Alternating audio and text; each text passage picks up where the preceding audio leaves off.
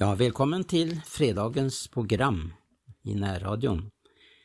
Jag heter Tage Johansson och eh, här vid min sida har jag Gertrud Johansson, alltså min fru. Och vi ska fortsätta att eh, läsa ur boken eh, Vägen till lärjungaskap. Och den som har skrivit den boken det är Klendennen heter han. Och vi har nu kommit till kapitel 4 som heter Den modige lärjungen. Vi lyssnar. Ja, innan vi börjar med Vi kan börja med att definiera kännetecknen på en modig lärjunge måste vi förstå att världen går, går i samma riktning som församlingen. Om vi ska eh, hela samhället måste vi först hela församlingen. Ett samhälle eller en civil eh, civilisation går aldrig under förrän församlingen som finns där går under. Om det som Gud placerat i centrum av samhället börjar syssla med annat än att representera Gud, då faller hela den civilisationen samman. Varenda evangelist som har påverkat sin generation för Gud, ända sedan Paulus dagar tills nu, har behövt arbeta med detta som vi kallar församlingen.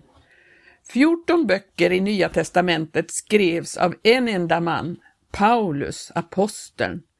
Varenda en av dem skrevs för att ställa något till rätta i församlingen. Naturligtvis förde han fram det som blivit uppenbarat för honom. Men i varje brev han skrev fanns det instruktioner till församlingen hur de skulle rätta till saker som blivit fel. Detta säger oss något om betydelsen av att ha en sund lära. För att upprätta församlingen behöver vi börja med grunderna. Det krävs mycket mod för att stå på rätt grund och att handla rätt. Att stå upp för sanningen i den här ekumeniska atmosfären där allt kallas kristet kräver att, av lärjungen ett mod som bara kan födas av den helige Ande. Alltså ska ni känna igen dem på deras frukt. Man kan inte bara läsa detta och bedöma en persons uppförande vid ett visst tillfälle. Det är inte det som Gud säger. Frukten blir uppenbarad i nästa generation.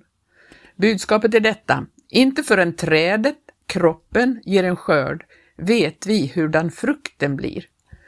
Domen över dagens församling fälls av de omvända som utgör morgondagens församling. Det viktigaste syftet med en församling är att den ska ge upphov till lärjungar, människor som kan påverka sin generation för Gud. Vi har slagit fast att ett viktigt karaktärsdrag hos en lärjunge är osjälviskhet. Vi har också sett i Guds ord att det förväntas att lärjungen ska vara pålitlig. Och nu ska vi se på en annan mycket nödvändig egenskap hos lärjungen och det är mod. Mod utmärker sanna lärjungar till Herren. I Matteus 10, 32-33 talar Jesus om dem som saknar denna egenskap. Var och en som bekänner mig inför människorna, honom skall också jag bekänna mig inför min fader i himmelen. Men var och en som förnekar mig inför människorna, honom ska också jag förneka inför min fader i himmelen. Jesus sa i Markus 8.34 om någon vill följa mig ska han förneka sig själv och ta sitt kors på sig och följa mig. Det krävs mod för att stå för det som är rätt. I denna trolöshetens tidsålder krävs det ett stort mod för att vara en pålitlig person, att vandra med Gud och att tala det som är rätt. Det finns inget som kräver så mycket mod av den enskilde som detta att leva heligt mitt i ett ont och trolöst släkte. I oförmågan att stå fast ser man församlingens svaghet. När tron utmanas tonas den ner, allt för att undvika en frontal krock med världen. De första kristna oroade sig aldrig över vad världen tänkte och tyckte. De hade ett budskap att predika och det var just vad de gjorde också. Det hade ingen betydelse om åhörarna höll med dem eller inte. De visste att de hade rätt och övertygelsen om det gav dem mod att stå fasta. De lät aldrig Jesus tävla med andra gudar. De kom ut från övre salen och ropade ut till alla andra religioner. Hos ingen annan finns frälsningen, inte heller finns det under himlen något annat namn som givits åt människor genom vilket vi blir frälsta. De sa till alla som lyssnade, här är vägen, vandra på den, annars går du förlorad. Det spelade ingen roll om världen kallade dem för fanatiker. De visste att det de trodde på var sant och detta var det budskap som betydde mest av allt för dem. Dessa, de första kristnas liv och handlingar, personifierade begreppet mod. De förvandlade skampålar till predikstolar, fängelser till kyrkor, de kämpade mot vilddjuren i Efesus, de blev slagna, torterade, utdrivna från sina hem och ändå proklamerade de ett evangelium som vände upp och ner på ett kejsardöme. I vår generation måste vi sorgset erkänna att det saknas mod att konfrontera världen. Vår tid är en likriktningens tid. Vi har haft Jesusrörelsen där ungdomar påstod att de slogs vilt mot samhällets likriktning och ändå blev de kopior av varandra. De pratade likadant, klädde sig likadant och var bara tillsammans med varandra. Men vi tjänar en Gud som har skapat oss olika och har kallat oss till att vara annorlunda. Han har kallat oss till att proklamera en sanning som kommer att göra andra annorlunda också. Om vi kristna inte förstår att det syfte vi tjänar är större än vi själva, kommer vi att sakna mod att möta livet som det är. Man vet inte något om att leva förrän man har upptäckt att det finns något i livet som det är värt att ge sitt liv för.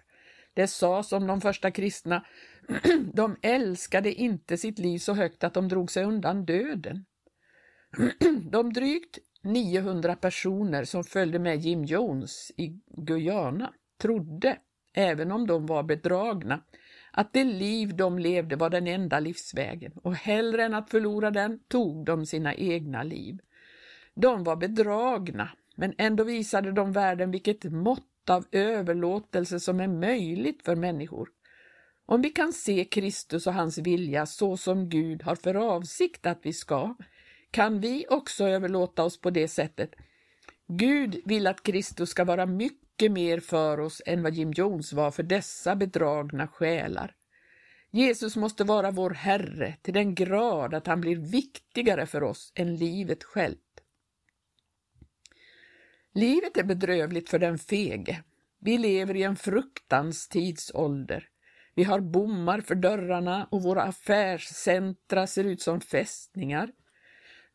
Jag trodde aldrig att samhället skulle nå den punkt som det nu har nått. Massmord är vanligt förekommande. Vi lever i en nästan helt demonbesatt värld. Detta har skapat fruktan som drivit in människor bakom tillbommade dörrar. Min åsikt är att det är bättre att dö än att leva på det sättet. Det är bättre att leva i ett år och vara fri än att i tusen år leva bakom lås och bom i rädsla för djävulen, hela livet bunden i fruktan.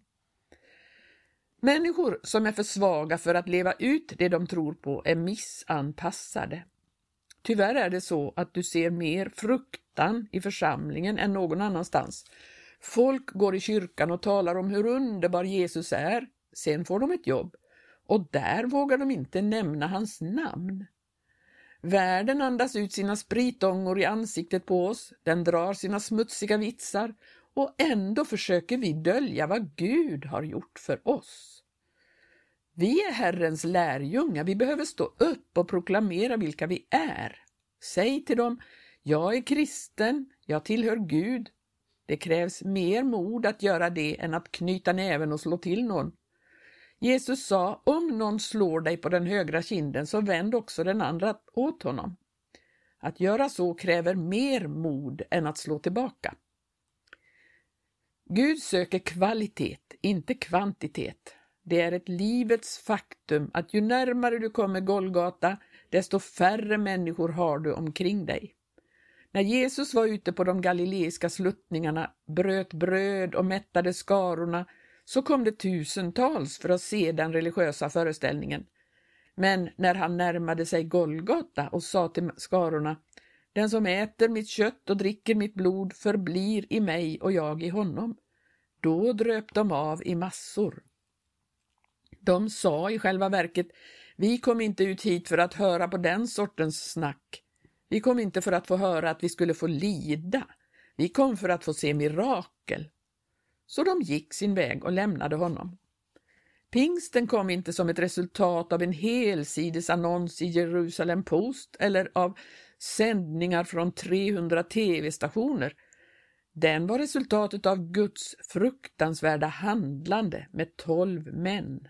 Varje känsla, varje ambition pressades och till slut krossade han dem och de bad Låt den ena av oss få sitta på din högra sida i din härlighet och den andra på din vänstra. Han svarade, de platserna är inte min sak att ge bort. Han drog dem bort från skattekontor, en läkarmottagning, fiskebåtar. När han lämnade dem var de tomma, brutna och blåslagna. De var in i detta, det var in i detta trasiga kärl som pingsten kom första gången. Andra gången han kommer blir det till kärl i samma tillstånd. Gud söker kvalitet, inte kvantitet. Han förändrade en värld med en handfull människor. Det är inte den stora, mjuka, bukstinna massan av religiöst folk som kommer att göra skillnad. Det är den kvalitet i den troende som gör att när han har fullgjort allt kan han behålla fältet. Han står fast lejonet ryter, fast floden brusar, fast elden brinner.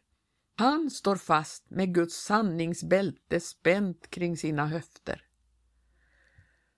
När Martin Luther fick order att infinna sig vid riksdagen i Worms bönföll hans anhängare honom att inte åka.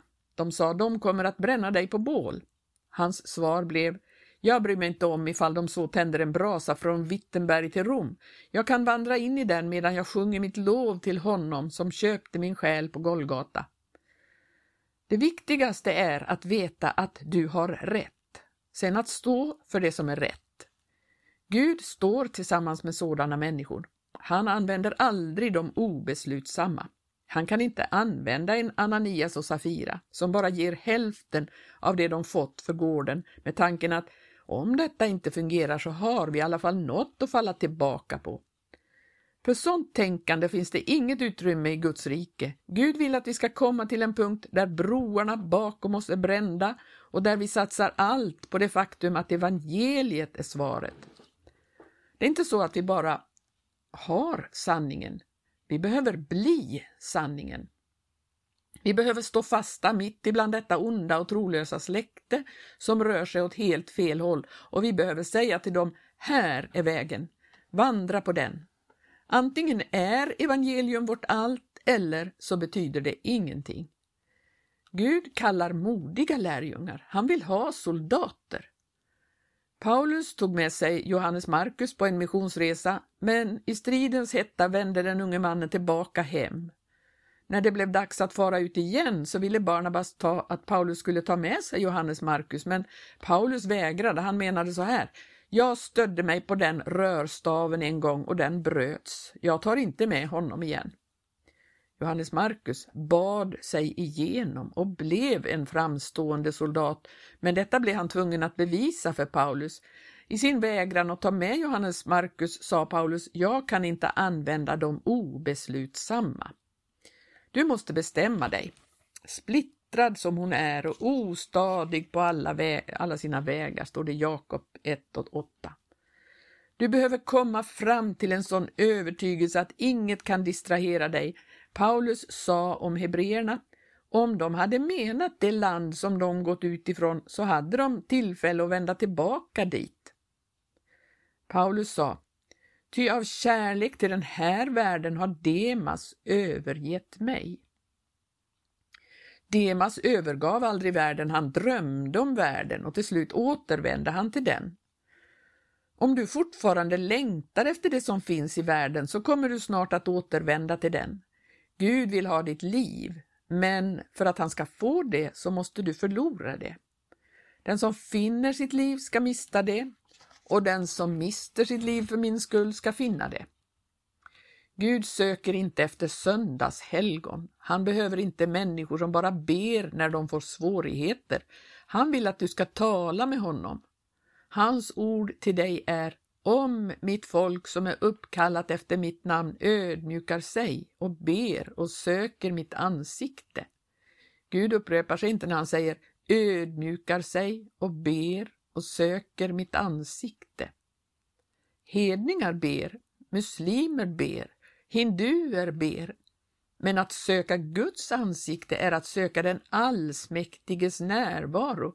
Det är att ha gemenskap med honom. Gud rättar sig inte efter oss. Han vill inte ha ett folk som upphöjer honom på söndagen och sen lever som djävulen på måndagen. Han vill ha ett folk som varje ögonblick under dagen är upptaget av Gud själv. Ett folk som inte bara är hänfört över vad Gud gjort för dem, utan är hänfört över honom själv. Gud måste inte ha dig, men du måste ha Gud. Människor försöker alltid ge Gud nya egenskaper, men man kan inte förändra något hos Gud. Om varenda person på jorden skulle blind just i denna stund så skulle solen ändå skina lika klart som den alltid gjort. Och om alla på jorden skulle förlora sin tro skulle det inte påverka Gud på något sätt. Om alla sju miljarder människor på jorden skulle bli födda på nytt i en och samma stund så skulle det varken lägga till eller dra ifrån Gud något. Gud är allt han kan vara. Han vill att vi ska söka honom för hans egen skull. Synd är alltid ett tecken på svaghet. Är vi så svaga och fega att vi inte kan motstå eh, eller stå emot det världsliga systemet? Vi har försökt identifiera världslighet som en viss typ av kläder eller en viss sorts ställen man går till. Världslighet, det är att vara påverkad av fel system. Om allt djävulen för, behöver göra för att hålla dig borta från församlingen är att låta mormor komma och hälsa på, så är du lika världslig som mannen på krogen. Om ett besök av mormor är viktigare för dig än Guds hus, så är du påverkad av fel system. Vi är på jorden för att göra Guds vilja. Allt annat vi gör är bara medel vi använder för att göra det han har kallat oss till.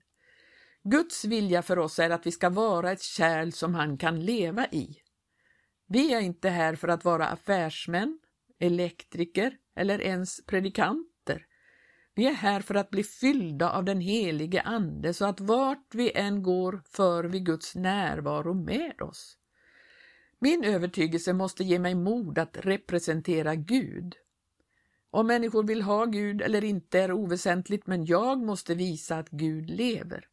Om vi är rädda för att vara annorlunda har Gud ingen nytta av oss. Är du kristen så är du annorlunda. Världen har inget som liknar Gud, så om du är en riktig kristen kommer den att inse att du är annorlunda. Om du är rädd för att vara annorlunda kommer du att dö tillsammans med hopen. Att ta seden dit man kommer är ett dåligt motto. Vart du än kommer, gör det som Jesus skulle ha gjort. Vi måste vara så övertygat frimodiga att vi står upp och proklamerar Kristus var vi än är. Ja, det var Gertrud Johansson som läste ur boken eh, Vägen till lärjungaskap av Clendennen. Vi ska eh, verkligen eh, ta vara på den här bokens innehåll. Eh, den har ju fått eh, stor uppmärksamhet och eh, tyvärr finns den inte att få tag i idag. Den är slut på den upplaga som har funnits. Den är alltså slut.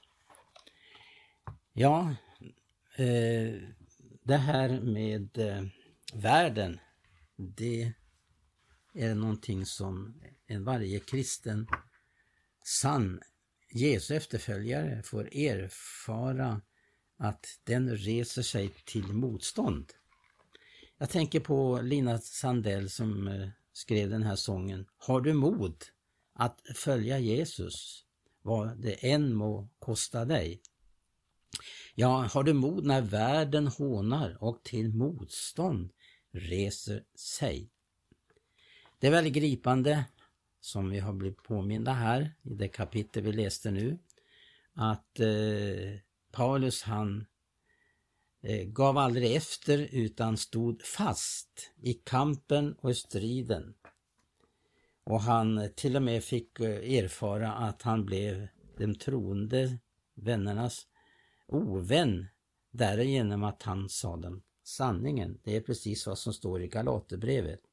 Så har jag då blivit eder ovän därigenom att jag har sagt eder sanningen. Striden för sanningen, den får aldrig eh, avta, utan vi är kallade till att kämpa för den tro som en gång för alla blev överlämnad åt det heliga. Ska man förstå Paulus kamp då måste man läsa vad som står i Andra Korinthierbrevet 11. Och där kan man läsa ifrån eh, andra versen i det kapitlet. Ty jag nitälskar för eder så som Gud nitälskar. Jag har trolovat eder med Kristus för att kunna ställa fram inför honom en ren jungfru. Men jag fruktar att såsom ormen i sin illfundighet bedrog Eva, så skulle till äventyrs också deras sinnen fördärvas och dragas ifrån den uppriktiga troheten mot Kristus. Om någon kommer och predikar en annan Jesus än den vi har predikat, eller om vi undfunnen en annan slags ande än den i förut har undfått, eller en annan slags, annat slags evangelium än den ni har förut mottagit, så fördrager ni ju sådant allt för väl. Fördragsamhet har lett många av vägen och lidit skeppsbrott i tron. För Guds rike och världen kan aldrig förenas. Eh, Gud gjorde klart redan i skapelsens morgon efter syndafallet att han satte fiendskap mellan kvinnans sed och ormens sed. Kvinnans sed, det talar om Jesus Kristus som inte bara talade sanningen, han också var sanningen. Och eh, det, det talas ju också om i Johannes evangelium om ljus och mörker. Mörkret det representerar lögnen och ljuset sanningen. Och de här står i strid med varandra. Därför blir det trångt för en sann troende människa i den här världen och hon kan aldrig finna sig till ro här i världen. Men ära vare Gud så finns det kraft att kämpa för tron och för sanningen i denna tid. Gud välsigne dig som har lyssnat. Vi återkommer också, fortsätter och läser från den här boken nästa fredag. Gud välsigne dig.